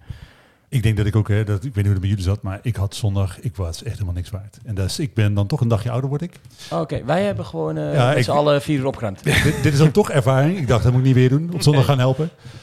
Dus uh, nou goed, nog niet helemaal scherp. Geef niet. Geef niet. Uh, inmiddels ben je een beetje bijgekomen? Jawel, jawel. jawel. Oké, okay. nee, dan uh, kunnen we naar het volgende onderwerp. Dat is namelijk het, uh, het trainings, trainingskamp waar we het al eventjes over hadden. Twee wedstrijden worden daar gespeeld tegen OM4 Creta en tegen de Mamelodi Sundowns. Um, en vandaag kwam naar buiten dat we die wedstrijden eventueel zouden kunnen volgen als je bijna 6 euro per week betaalt voor het digitaal plus premium pakket van BN Stem, de DPG mediagroep. Dan kan je deze twee wedstrijden zien. De eerste wordt volgens mij dinsdag of woensdag gespeeld om Dinsdag. 1 uur. Dinsdag om 1 uur. Of drie uur. Ja. 1 of 3 uur in de middag. En uh, de volgende wedstrijd is zaterdag, maar die is nog niet bekend hoe laat die, uh, hoe laat die wordt afgewerkt. Vrijdag toch? 28? Oh, vrijdag. Zo, het gaat echt goed vandaag. We zijn nog niet helemaal scherp, sorry. Vrijdag 28 inderdaad. Dat is niet de enige. Dat op zich Nee. vind ik dat wel een geruststellende gedachte. Want ik dacht, hey, ik word echt een oude lul. Maar ik, heb, ik, ben, ik word ook oud al. ah. De- Al 30 Ja, dit jaar. ja. En ik heb opgeruimd. Dus ik heb minder, Ah, minder rust gehad. Eh, dus dinsdag, middag en vrijdag wordt de tijd nog bekendgemaakt. Maar je zou die wedstrijd dus in ieder geval live kunnen zien. Werd vandaag bekend bij BN Stem. Als je een premium digital plus Ik vind dat Evo Pro abonnement hebt. idioot. Dat, Eh, eh, ik vind het echt idioot. Want eh, op zich, hè, ik snap dat de DPG-groep, de eh, partij achter BNSM en onder andere ED, andere kranten, eh, dat die een verdienmodel zoeken. Dus dat die eh, wedstrijden van eh, profclubs uitzenden. doen ze ook voor Willem II, andere clubs. Eh, maar ik vind het vanuit NAC-perspectief idioot dat je, dit, eh, eh, dat je die wedstrijd niet toegankelijk maakt voor je sports. Want hij wordt wel achter, eh, achter gesloten deuren gespeeld. Als je naar het oefen- oefenprogramma van NAC kijkt in zijn geheel, vind ik het oefenprogramma niet super geweldig. Met wedstrijden waar je naartoe kan. Want eigenlijk kan je alleen naar Excelsior, XC en Allianz Spoor. Wedstrijden die de moeite waard zijn. Voor de rest redelijk boeieloos oefenprogramma. En de leu- leukste wedstrijden zijn in principe die tegen OFI, Creta en tegen Mamelodi Sundowns. Kan je dus al niet heen. En dan moet je ook nog 6 euro betalen om die wedstrijd te kunnen zien. Dat slaat echt helemaal nergens op, vind ik. Ik weet niet of je het per week kan opzeggen ook. Het abonnement. Ja, maar hoezo moet ik een abonnement bij BNSM nemen om een eh, wedstrijd van NAC te zien in de voorbereiding die ik, op anders, die ik anders helemaal niet kan zien? Wat slaat er nou op? Mhm. Ja goed, ik heb dus wel eh, even met, eh met NAC gebeld. Die eh, reactie gaan we natuurlijk wel even meenemen. Omdat sommigen van ons daar iets beter mee kunnen leven dan, dan anderen. In eerste instantie heeft DPG namelijk ze benaderd om dit voor alle wedstrijden te doen. Al dus Erik Matthijssen, die we daar even over hebben gesproken. Ehm, daar hebben ze toen een nee tegen gezegd. Omdat je dat inderdaad achter een betaalmuur zit. en NAC zou er helemaal niks voor terugkrijgen. Ehm, en ze vinden gewoon dat NAC, als die wedstrijden toegankelijk zijn in de regio, dat supporters daar, daar naartoe moeten gaan als die, als die kunnen. Ehm echter kwam toen het nieuws naar buiten dat DPG natuurlijk een x-aantal wedstrijden wel uit zou gaan, eh, gaan zenden. Voor andere Willem II, RKC volgens mij en PSV. Ehm, daarnaast nog eh, een tal van andere clubs. Eh, daar kwam best wel wat, wat feedback op. Sowieso bij BN Stem. Maar ik vermoed dus ook bij NAC dat die feedback op kantoor terecht is gekomen. Want toen hebben ze eigenlijk gezegd, ehm, na die feedback vanuit de achterban... oké, dan doen we het voor die twee duels die, die achter gesloten deuren gespeeld worden. Het was te laat om daar te laat en te duur om daar zelf iets mee te doen als het gaat om uitzenden. En het was eh, organisatorisch niet meer te regelen om die wedstrijd openbaar te maken. Eh, zeker dat laatste, omdat ze op een complex spelen Waar eh, eh, niet eens een omheining om het veld is. Dus dat is gewoon niet Ja. een, eh, een veilige manier om... eh, Te laat en duur is natuurlijk ook gewoon een bullshit argument. Hè? Eh, want eh, in principe heb je, los van het feit dat je in je eh, netwerk van zakelijke contacten allerlei mensen hebt die dit voor hun werk doen. Eh, ik noem eh, Ben, die dit gewoon simpelweg al heel, heel lang, die doet, die livestreams voor zijn werk. Eh, ik kan ook livestreams doen. Eh, ik doe dat voor, voor mijn eigen eh, werk en dat kost echt niet de wereld. Eh, ik weet dat het niet de wereld kost. Eh, en dat je dat in principe binnen een paar dagen georganiseerd hebt. Als ik dat eh, binnen een paar dagen kan organiseren, waarom kan ik dat niet binnen een paar dagen en, organiseren? en wat is dan het... Ik, ik weet niet hoe het bij... Ik weet niet hoe bij, ik weet niet hoe het bij Ben Stem eruit gaat zien. Hè? Er komt een commentator bij volgens mij. Of commentatoren. Ik weet niet of ze met herhalingen gaan werken. Ik weet niet of ze met... eh, Dat mag ik Eh, dus wel hopen. Hè? Ja, dat mag ik ook wel Nee, hopen. nou eh, goed, ik weet niet. oh, de tijdwaarneming, eh, wissels, noem maar op, de hele aanleiding. Ik weet niet hoe dat eruit gaat zien. Maar nog steeds, hè, oké, dan laten we zeggen, herhalingen eh, eh, is misschien nog wel het lastigste. Eh, Misschien nog wel het lastigste. Maar voor de rest kan je een stream, heb je, als je internet hebt en een camera en een laptop, heb je dat zo opgezet. Eh, je kan zelfs meerdere camera's eh, zonder heel veel moeite, als je gewoon lange kabels hebt, eh, kan je aansluiten. Dus er zijn hartstikke makkelijke oplossingen te bedenken om dit eh, beschikbaar te stellen. Plus, eh, als, je, als je het belang van supporters als uitgangspunt neemt, namelijk het feit dat mensen die wedstrijd kunnen zien. We hebben afgelopen jaar wel denk ik een miljoen keer tegen eh ESPN gezegd, zet een camera neer. Eh, dat commentaar interesseert ons geen flikker. Als ik die wedstrijd maar kan volgen, dan verwacht ik niet bij een oefenwedstrijd opeens de meest gelikte uitzending. Op het moment dat je daar twee camera's neerzet. Eén. één achter de goal, één langs het veld. En dat mooi met elkaar mixt. Dan ben ik hartstikke tevreden. Eh, dat kan echt zonder heel veel moeite. Het is gewoon luiigheid eh, dat je dit niet zelf organiseert. En ik vind dat je het belang van sport niet als- uitgangspunt neemt. En daar word ik gewoon kwaad om. En dat was overigens anders geweest, vind jij toch, als je gewoon 5 euro aan NAC moest betalen bijvoorbeeld? Nou, kijk, op het moment dat NAC zegt, we, om dit kostendekkend te maken, moeten we dus 1 of 2 euro, want 5 euro is Ja, veel. oké. Eh, 1 of 2 euro aan supporters vragen. Dan denk ik, nou, hier heb je, heb je die euro. Dat interesseert me niet zoveel. Eh, maar je besteedt nu uit aan een commerciële partij, die daar natuurlijk ook gewoon geld aan verdient. Anders zouden ze die wedstrijd niet uitzenden. Eh, en je laat dus gewoon eh, zo'n commerciële partij over de rug van je supporters geld verdienen, terwijl je prima zelf wat kunnen organiseren. Daar hou ik gewoon echt niet van. Toch weet ik, eh, PSV had hetzelfde gedaan in eh, Oostenrijk. Hadden ze twee oefenwedstrijden. En eh, die hebben het in eigen beheer gedaan. Die hebben toen gevraagd voor twee wedstrijden ze 5 euro gevraagd. En hebben echt bakken met kritiek gekregen. Maar ook met geld. Hoe deed ook met geld? Nou, we hebben ook veel mensen gekeken. Ik weet niet hoeveel uiteindelijk de eerste wedstrijd gekeken hebben. Ja, dat was, dat was tijdens was zaterdag dus toen. eh, dat, Ja, maar zelfs als je dan zegt, oké, we willen dat voorkomen, dat mensen boos op ons worden, dan kan je toch even rondvragen, jongens, van eh, sponsoren. eh, is er hier iemand die daarmee ons kan oppakken, die daarmee ons kan faciliteren? Jongens als Bistrets, jullie hebben toevallig ook die wedstrijd tegen Maden uitzonden. Kunnen jullie daar iets professioneler ook bij deze wedstrijd doen? Dat had allemaal prima gekund.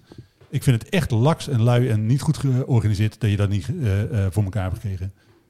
Ja, nou goed, ik heb in eerste instantie nog dus even bij, bij Erik de navraag gedaan. Ik vond het best een redelijke, redelijke uitleg. Ik snap jouw punten ook als het gaat om eh, belang van supporters. En eh, moet je het dan wel- of niet doen? Als je besluit om niet te doen, dan... Ik heb ook nog gevraagd, joh, ja, daarom vroeg ik van... had je nou niet die wedstrijd alsnog openbaar kunnen maken? Of kan je daar niks mee? Ik begreep dat er in principe nog niks getekend was. Dus ik weet ook niet of ze, hoe de rechten nu, zeg maar... of die echt alleen maar bij DPG liggen. Ehm, begreep in ieder geval dat, dat de...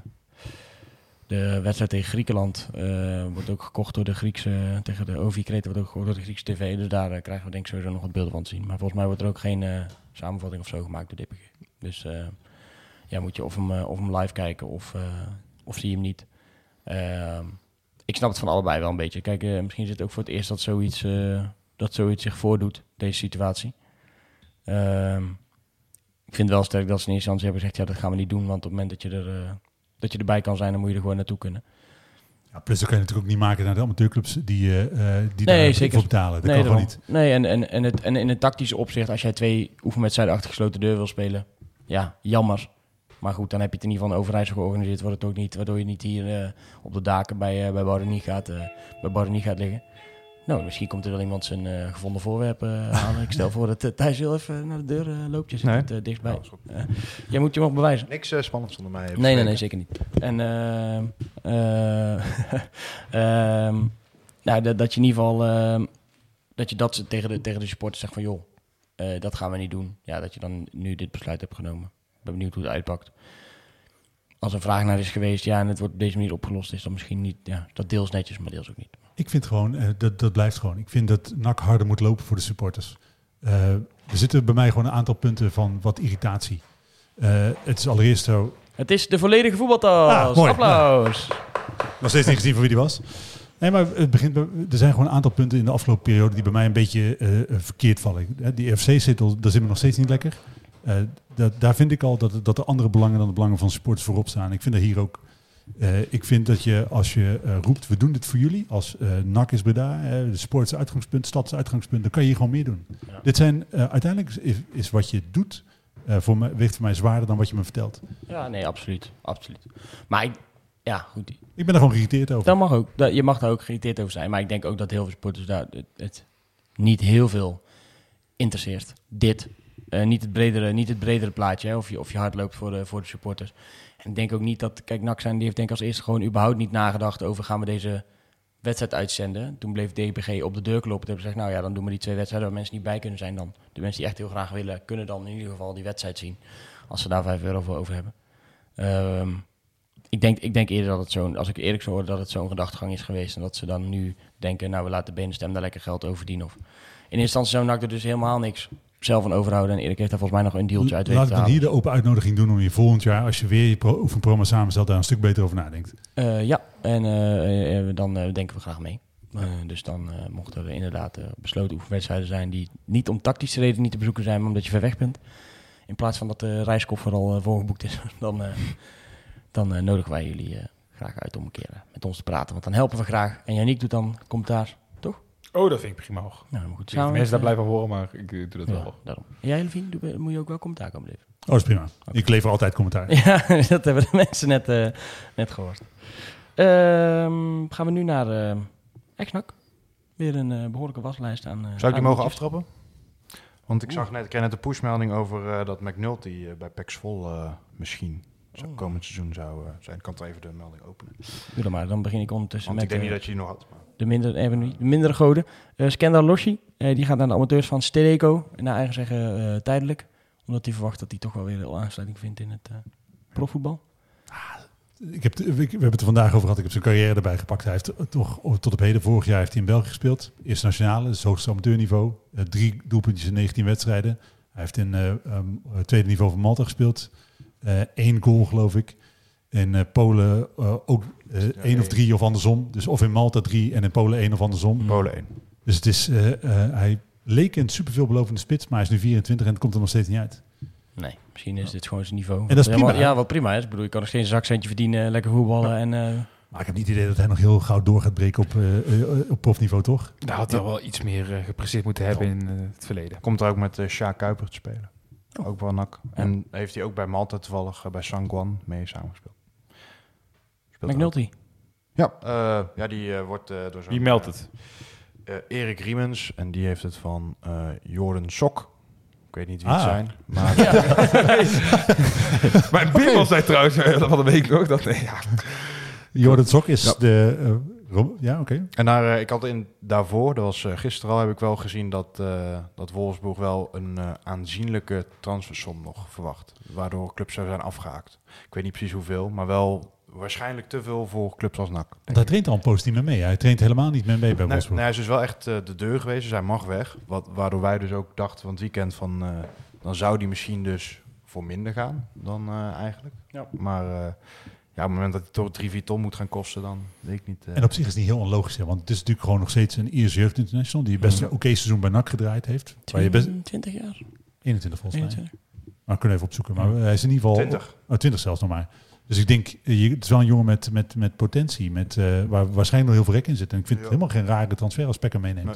Ja, en, en eerder werd natuurlijk ook duidelijk dat eh sowieso NAC op de tweede plek kwam. Ze wilden hem eerst proberen te slijten in de Eredivisie Championship, tweede Bundesliga. Dus wel een iets hoger niveau dan wat NAC op dit moment kan bieden. En heel eerlijk, hij kan bij NAC natuurlijk ook niet rekenen op een baasplaats. En ik denk dat het makkelijker is om op de bank te gaan zitten in de Eredivisie dan op de bank in de KKD. Denk ik ook.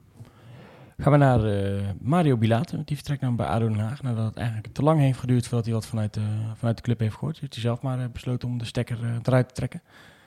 Kan op zoek naar een, nieuwe club. Ja, en ik had eigenlijk wel verwacht dat hij heel snel eh, zou komen omdat hij die beslissing maakt. Want die, die maakt die beslissing, want die weet al, ik heb nog een tweede optie achter de hand. Maar ja, die eh, aankondiging bleef nog even weg. Als je nou Mario Belater terughaalt als een van je reservespitsen, dat zou toch geen gek idee zijn?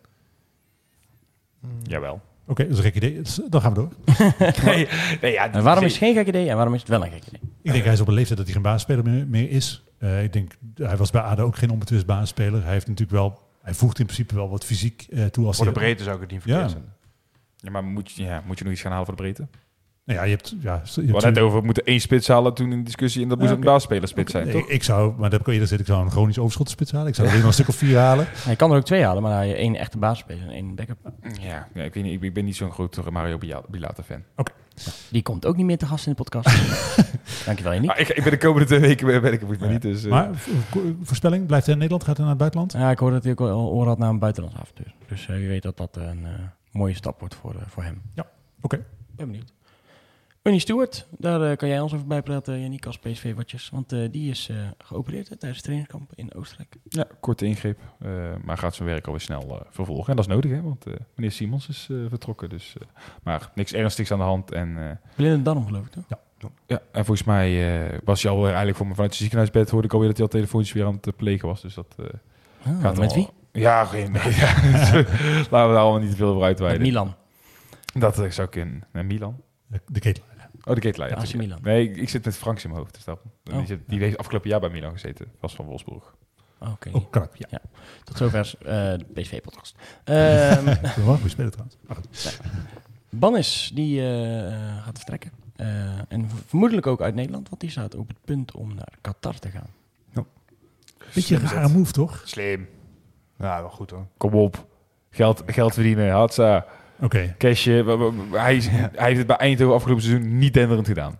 Nou, Niet, niet, Minder dan ze hadden denkt- niet, niet dat je verwacht, denkt... Maar oké, dan zeggen jullie dus eigenlijk, en dan ga ik, grijp ik even terug op NAC-historie, een Anwar Diba carrière. Dus dat je, eh, in zo, dat je op een jonge leeftijd naar het maar hij Midden-Oosten kan altijd nog terugkomen. Maar daar ik, je zakken vult. ik zou dit niet laten liggen als ik hem was. Oké, oké. ik, Wel hij- een eh, grappige constructie. Overigens eh, pakt het niet altijd zo uit. Hè. Ik be- begreep ook wel dat de types zoals Elson Hoy en zo, dat die eh, ook zeg maar jarenlang van club naar club daar zijn gegaan en dan of niet betaald kregen of deels betaald kregen en eh, nu niet eh, ergens in een hele grote villa wonen omdat ze heel hun leven zo goed betaald hebben gekregen bij al die clubs. Dus, Maar- Maar dat is dan meer dat je een slechte zaakwaarnemer hebt. ja, Eh, of en dat die club zelf... gewoon, eh, die club gewoon bitchen daar. Maar welke club had anders, eh had naar anders naartoe moeten gaan? NAC was een optie geweest. ja, ja, maar ik, ik blijf gewoon spits halen. dat, eh, Nee, maar je moet ook gaan kijken naar waar had hij naartoe kunnen gaan. Hij was van NAC, trouwens, als je afgelopen seizoen eh, bij Eindhoven gezien was hij van NAC absoluut geen optie geweest, lijkt mij. Eh, nou, dan had je hoger naar hetzelfde niveau Eindhoven kunnen gaan. Ja, als je daar... Oh, Maar 18 blijf- minuten geleden, officieel. Bannis vertrekt naar Qatar. Nou, als je, maar als je daar eh, op blijft steken op dat niveau, ja, dan speel je natuurlijk nooit eh, financieel onafhankelijk. Ja, met één overstap naar Qatar wel. En het is niet dat het nou zo'n goed talent is dat al zeker weet, ooit verdien ik ook wel zoveel geld. Dus ik snap hem volledig. maar is, is dan hij wat jullie betreft een jongen die eh, meer belofte eh, dan uiteindelijk realiteit heeft? Ligt eraan hoe groot hij in jouw ogen gemaakt is. Nou ja, hij was natuurlijk een- in principe best wel een oké talent bij Feyenoord. We hebben hem natuurlijk, eh, en hij heeft het bij NAC vind ik ook niet eh, heel slecht gedaan. Al denk ik wel dat, dat, dat Feyenoord, dat had ik al vrij snel door dat dat er misschien niet ging worden. Nee. Maar ik vond hem bij NAC wel beter dan wat hij bij FC Eindhoven heeft laten zien. Ja, toch ook wel gewoon, dus hij niet eens, dat hij niet eens heel goed was, maar wel gewoon negen treffers in 33 Ja, potjes. ja, zeker. Dus ook, Ja. niet, dus ook niet heel slecht, zeg En maar. ik heb hem toen best wel afgezekerd, maar dat was meer omdat hij een eh, eh, huurspeler was. Maar als hij door NAC toen voor vier jaar vastgelegd had, had hij een prima eerste jaar gedraaid. Maar ook deels voor Eindhoven dus gekozen voor de speelminuten, waar hij toch ook niet altijd de basisplek had uiteindelijk. Nee, dat heeft hij niet afgedwongen. En eh, Qatar die halen de spelers vanuit de competitie en die worden later pas ondergebracht eh, in sommige gevallen. Dat is ook bij Ah, Tabouni het ja. geval. Tabouni was eerst in gesprek met eh, de Qatarese bond, als ik het goed begrijp. En die hebben hem uiteindelijk gestald bij een club. Ja, zeker. Zo, zo werkt die competitie dus blijkbaar. Ja, kijk, ik denk dus Ga je zelf... maar je gaat daar niet heen voor sportieve redenen. Het maakt geen bal uit bij welke Nou, club je ja, terechtkomt. Volgens mij heeft hij altijd eh, alles willen spelen bij... Almarkia SC. Ah, ja. Dat heb ik hem een keer horen zeggen, volgens mij, toen hij bij Maar maakt echt niet uit eh, in, wel, in welk stadion je zou zitten met, met Ja, 20 eh, Misschien ben ik dat. op goed, ik weet het niet. Ik kan wel zeggen misschien, maar dit is gewoon zo. Ik ben daar toch te veel romanticus voor. Ik zou dan liever bij een, eh, grote club in een klein land spelen. Of, nee, ik zag bijvoorbeeld dat een, eh, een speler van ADO naar eh eh, Partizan Belgrado ging. Bijvoorbeeld. Ik denk dat is een transfer waar je in principe ook niet per se omhoog gaat. Maar dat is cool, weet je wel. Dan Dat is wel een grotere club dan FC Eindhoven bijvoorbeeld. Ja, maar ik denk dat, eh, maar dus, Ja, dat- sowieso. die, die maakt in principe een mooie stap, weet je. Dat, dat soort clubs Ja, in het buitenland. Kom, eh, komt Partizan voor Bannis? Nee, maar ik denk, er moeten toch opties liggen bij mooiere clubs dan eh, in een, eh, brandend gat in de woestijn waar in principe geen hond komt kijken, waar geen hol te Nee, beleven maar na twee jaar ben je weg en heb je je zakken, ben je financieel afhankelijk Ja, voor de rest van je leven. Als je je geld krijgt. Ja, goed. Door naar de volgende avonturier die op pad gaat. Ehm, en misschien wel dus een van de spelers waar we in de afgelopen na-competitie het hardst voor hebben gejuicht. Dat is namelijk Yassar. Die vertrekt bij eh, VVV en die gaat naar Vertierspor in Turkije. Dat is het derde niveau, denk ik, of niet? Eh, ja. Ja. En eh, toevallig eh, is mijn vader daar naartoe geëmigreerd het afgelopen jaar. Het is een prachtige badplaats. Dus eh, als ik daar eh, een keer in de buurt ben, dan eh, ga ik daar misschien wel even langs. ik weet niet dat ze daar een voetbalclub hadden. Dus, Podcastje eh, opnemen. Dus, ja. met Jassas. Jassas, eh, niemand kent jou. Nee, maar- maar, ik vind het wel gezellig. Ja. dat toch? al die podcastapparatuur meenemen. Vertel Dat nog, je nou niet meer welkom bent. vertel nog één keer over dat doelpunt van Willem II. Eén keer. dat was natuurlijk wel, eh, wel een hoogtepuntje van deze, van deze na-competitie. En Rutte zit wel nog bij VV. Dus, ja, die, die, die traint daar mee. treedt toch? mee en Ja. eh, nog steeds. Dus Hij is nog fit. als, eh, ja, dat denk ik wel tot nu toe. Ja, dat is toch mooi voor hem. Misschien dat hij nog een jaartje vast kan plakken op zijn leeftijd. Nou ja, Ja, ja, ja. hij is toch al eh, oud. Niet meer de jongste. Ehm, van Hekken, die heeft een, contract, eh, een nieuw contract getekend bij, eh, bij Brighton. Dus die eh, blijft nog eh, waarschijnlijk eventjes actief in, eh, in Engeland. Mooi nieuws voor hem ook, hè? ja, fantastisch. Jazeker, ja. En wel in de hoop eh, natuurlijk met de achterliggende gedachte dat die gaat eh, spelen. Want hij heeft afgelopen seizoen volgens mij een wedstrijdje of acht in de Premier League gespeeld, als ik het eh, goed eh, onthouden heb. Eh, maar hij moet daar toch, want de Serbi is best wel, van, best wel fan van hem, toch? Ja, maar ze gaan, hebben natuurlijk ook wel Europa League gehaald. Dus eh, er komen echt veel meer wedstrijden voor die Ja. club. Eh, er zijn natuurlijk allemaal wel spelers daar die dat niet gewend zijn. Tenminste, die er zaten, denk ik. Ze hebben wel, natuurlijk wel een Lalana, nog, zit hij daar nog steeds? Eh, gehaald. Of zit daar nog, maar... eh, Milner, je weet gewoon, als je in Engeland heel veel, ook nog een Europees toernooi erbij krijgt, ja, dan gaan de kansen voor mij ook wel groot Ja. En het centrum is daar niet eh, super jong. Wel wat, wat meer ervaren jongens ook eh, lopen. Dus Het was wel leuk als je die Twitter, eh, Twitterbericht las eh, van eh, Brighton. Was iedereen wel echt heel blij met dat hij verlengd had. Wel Ah, echt ik- ik positieve blijf- reacties. Blijft ook echt heel knap vinden welke stap hij zet. hij, blijft beter Mm. worden. Natuurlijk zijn ze wel collectief een beetje ook die, zeg maar, die gouden generatie achterhoede door het ijs gezakt tijdens dat EK. Dat wel, hebben ze wel, dit kan ook een keer gebeuren, hè? Ik bedoel, zo'n jonge gasten. Alleen dat sloeg natuurlijk helemaal nergens op die wedstrijd tegen Georgië. Nee, maar zeker. ja. Kan een keer gebeuren. Eh, dan naar het favoriete onderwerp van de Outnak van deze week. En dat is Mendes da Silva. Ja. die heeft namelijk, eh kennen jullie die mop van die eh, ex-voetballer die zei dat hij geen kook had gesmokkeld? Dat had hij toch wel gedaan. Eh, hij heeft nu eh, toegegeven dat de berichten eh, die eh, door hem, van, van hem waren onderschept, toch eh, door hem waren gestuurd. Waar hij eerder nog pleitte voor, ja, maar die kunnen van iedereen zijn. En verder zweeg hij dus tot zover in die, in die strafzaak. Nu zegt hij eh, dat hij wel schuldig is en dat hij bepaalde mensen te dichtbij heeft laten komen. Deze mensen zouden misbruik hebben gemaakt van zijn goedheid. Al dus Mendes da Silva. Ehm, nou, toen ging hij, eh, toen ging hij even verder, eh, verder in het verhaal. eh, zegt hij, eh, nou, hij had 3,5 ton moest hij op een gegeven moment terug, eh, terugbetalen. En hij moest werken tot hij dat, dat had terugbetaald. Het is best wel een stap van, de, ik laat mensen dichtbij komen naar, deze mensen krijgen 350.000 euro van me. Ja, hij. ehm, ehm, moet ik even goed hier lezen. Eh, de, de rechter geloofde dat hij, eh, dat hij schuld had om af te betalen, maar stelt ook dat hij dit op een andere manier had kunnen doen. Ze merken op dat Mendes bijvoorbeeld zijn peperdure Audi had kunnen verkopen. Een auto die hij zelfs nog heeft laten verschepen voor een vakantie in Marokko. Ze vraagt de rechter om goed te beseffen om hoeveel drugs het in deze zaak gaat. En is 10 jaar cel tegen de verdachte. 1500 kilootje kook. Tien jaar zelfs is natuurlijk wel fors, hè? En ik geloof ergens best wel dat je... eh, hij heeft natuurlijk eh Kaapverdiaanse route. Daar, je weet dat er in eh, die gemeenschap eh, zijn er, wordt er gewoon veel drugs gedeeld. Er zijn veel drugs.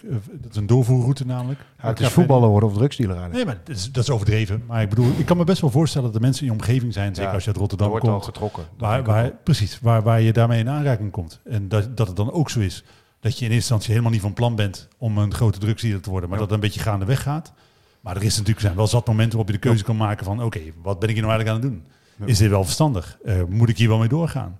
Eh, is 1500 kilo ook misschien toch een beetje veel? Ja, ja, je weet ook Had het niet bij eh, 1400 moeten stoppen. Ja, maar ik denk, Maar je weet ook niet ja, hoe, in hoeverre hij gepusht is. Ja, dat is altijd lastig te zeggen van afstand. Al moet ik wel zeggen dat ik denk dat hij net geluk heeft. Want die van 1500, dat is dus wel onderschept voor hij ermee te maken had. Hij zou echt over een eh, laatste distributiestap gaan. En daar is daar, zover was het nog niet.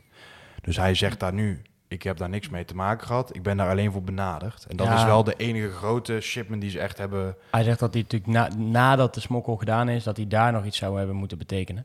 Eh, in plaats van dat hij zeg maar En dat zou ook kunnen betekenen dat, dat die straf misschien iets minder hoog Maar uitkomt. toch is het vaag. Hè? Hoeveel eh, voetballers, ex-voetballers... Nou ja, eh, wat jij zegt. Kijk, sommige jongens wo- wo- wo- groeien op in wijken. En we kennen natuurlijk ook bijvoorbeeld het verhaal van, van een Glenn Helder. Maar die vertelt die gewoon... is dat zo? to- nee, die- dat hij vertelt tonnen heeft weg, weg heeft gegeven aan mensen die ze hulp nodig hadden. Ineens komen uit allerlei hoeken natuurlijk mensen die, die aan je trekken. Ja, of nee. Je zegt dan van, het valt op hoeveel voetballers dat zijn. Maar De voetballers die daarin terechtkomen, die komen ook sneller in de aandacht. Als Ja, mijn buurman eh, daarvoor opgerold wordt, dan komt er ook een stukje bij in de stem eh, en misschien bij de NOS nog wat voorbij. Ah, maar dan staat er Omroep gewoon, Brabant denk ik ook wel. maar er staat, eh, ja, maar, staat er Harry V. eh, eh, veroordeeld en dergelijke. Maar als het een voetballer is, ja, dan wordt het in allerlei media helemaal eh, uitgemeten. Ik denk, oké, wa- wanneer zou ik drugsdealer worden? Ik denk, ik zou drugsdealer worden op het moment dat ik weinig andere opties zag eh, om geld te verdienen. En ik kan ik me zou, voorstellen als ik je... zou nooit drugsdealer worden. Nee, oké. Ik zou ook liever geen drugsdealer worden, maar als dat zou moeten, dan, ver, wacht, dan verkoop ik alles.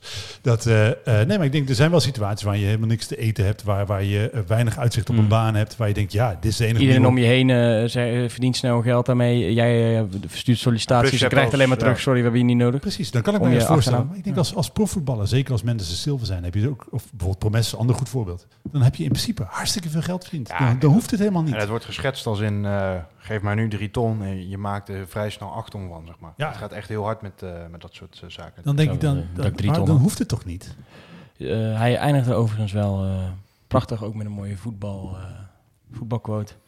Die gesnoven Hij zei namelijk... Nee, nou, nou, nou zit deze het wel buurt. Nee, Mendes de Viel zegt geraakt te zijn door de ijs, maar beseft dat hij zelf de verkeerde keuze heeft gemaakt. Quote, zoals Johan Cruijff eh, zei, elk nadeel heeft zijn voordeel. Deze vervelende ervaring zal ik meenemen om wat goeds te doen voor de maatschappij. De uitspraak volgt op 28 juli. Volgende pubquiz moet ik dan David M zeggen of David Mendes da S? David Mendes de ijs, denk ik.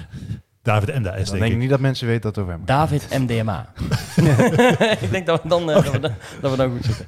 Zijn wij aan het einde gekomen van eh, een tikje naar het zuiden, de podcast van. Bizet Reds over aflevering 176. 76.